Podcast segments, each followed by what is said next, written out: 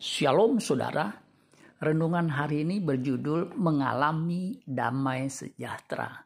Lukas 2 ayat 14. Kemuliaan bagi Allah di tempat yang maha tinggi dan damai sejahtera di bumi di antara manusia yang berkenan kepadanya.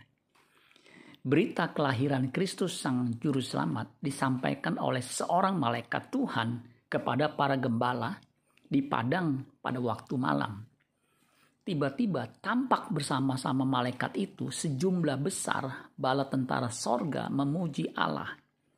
Sair pujian itu, kemuliaan bagi Allah di tempat yang maha tinggi dan damai sejahtera di bumi di antara manusia yang berkenan kepadanya. Kedatangan Kristus membawa damai sejahtera bagi manusia di bumi tidak semua manusia mengalami damai sejahtera di bumi. Damai sejahtera hanya dialami bagi mereka yang berkenan kepada Allah. Bagi mereka yang hidupnya menyenangkan hati Tuhan. Lukas 2 ayat 14 bahasa Indonesia masa kini dikatakan terpujilah Allah di langit yang tertinggi dan di atas bumi. Sejahteralah manusia yang menyenangkan hati Tuhan.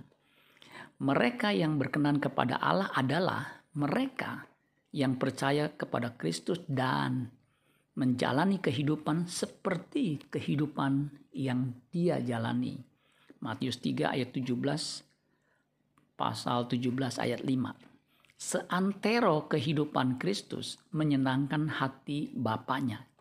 Kristus punya filosofi hidup di Yohanes 4 ayat 34 kata Yesus kepada mereka, "Makananku ialah melakukan kehendak Dia yang mengutus aku dan menyelesaikan pekerjaannya." Kemuliaan bagi Allah di tempat di tingkat surga yang tertinggi dan hendaklah setiap orang yang berkenan kepadanya di dunia ini merasa tenang dalam perlindungannya. Selamat Natal. Tuhan Yesus memberkati. Sola Gracia.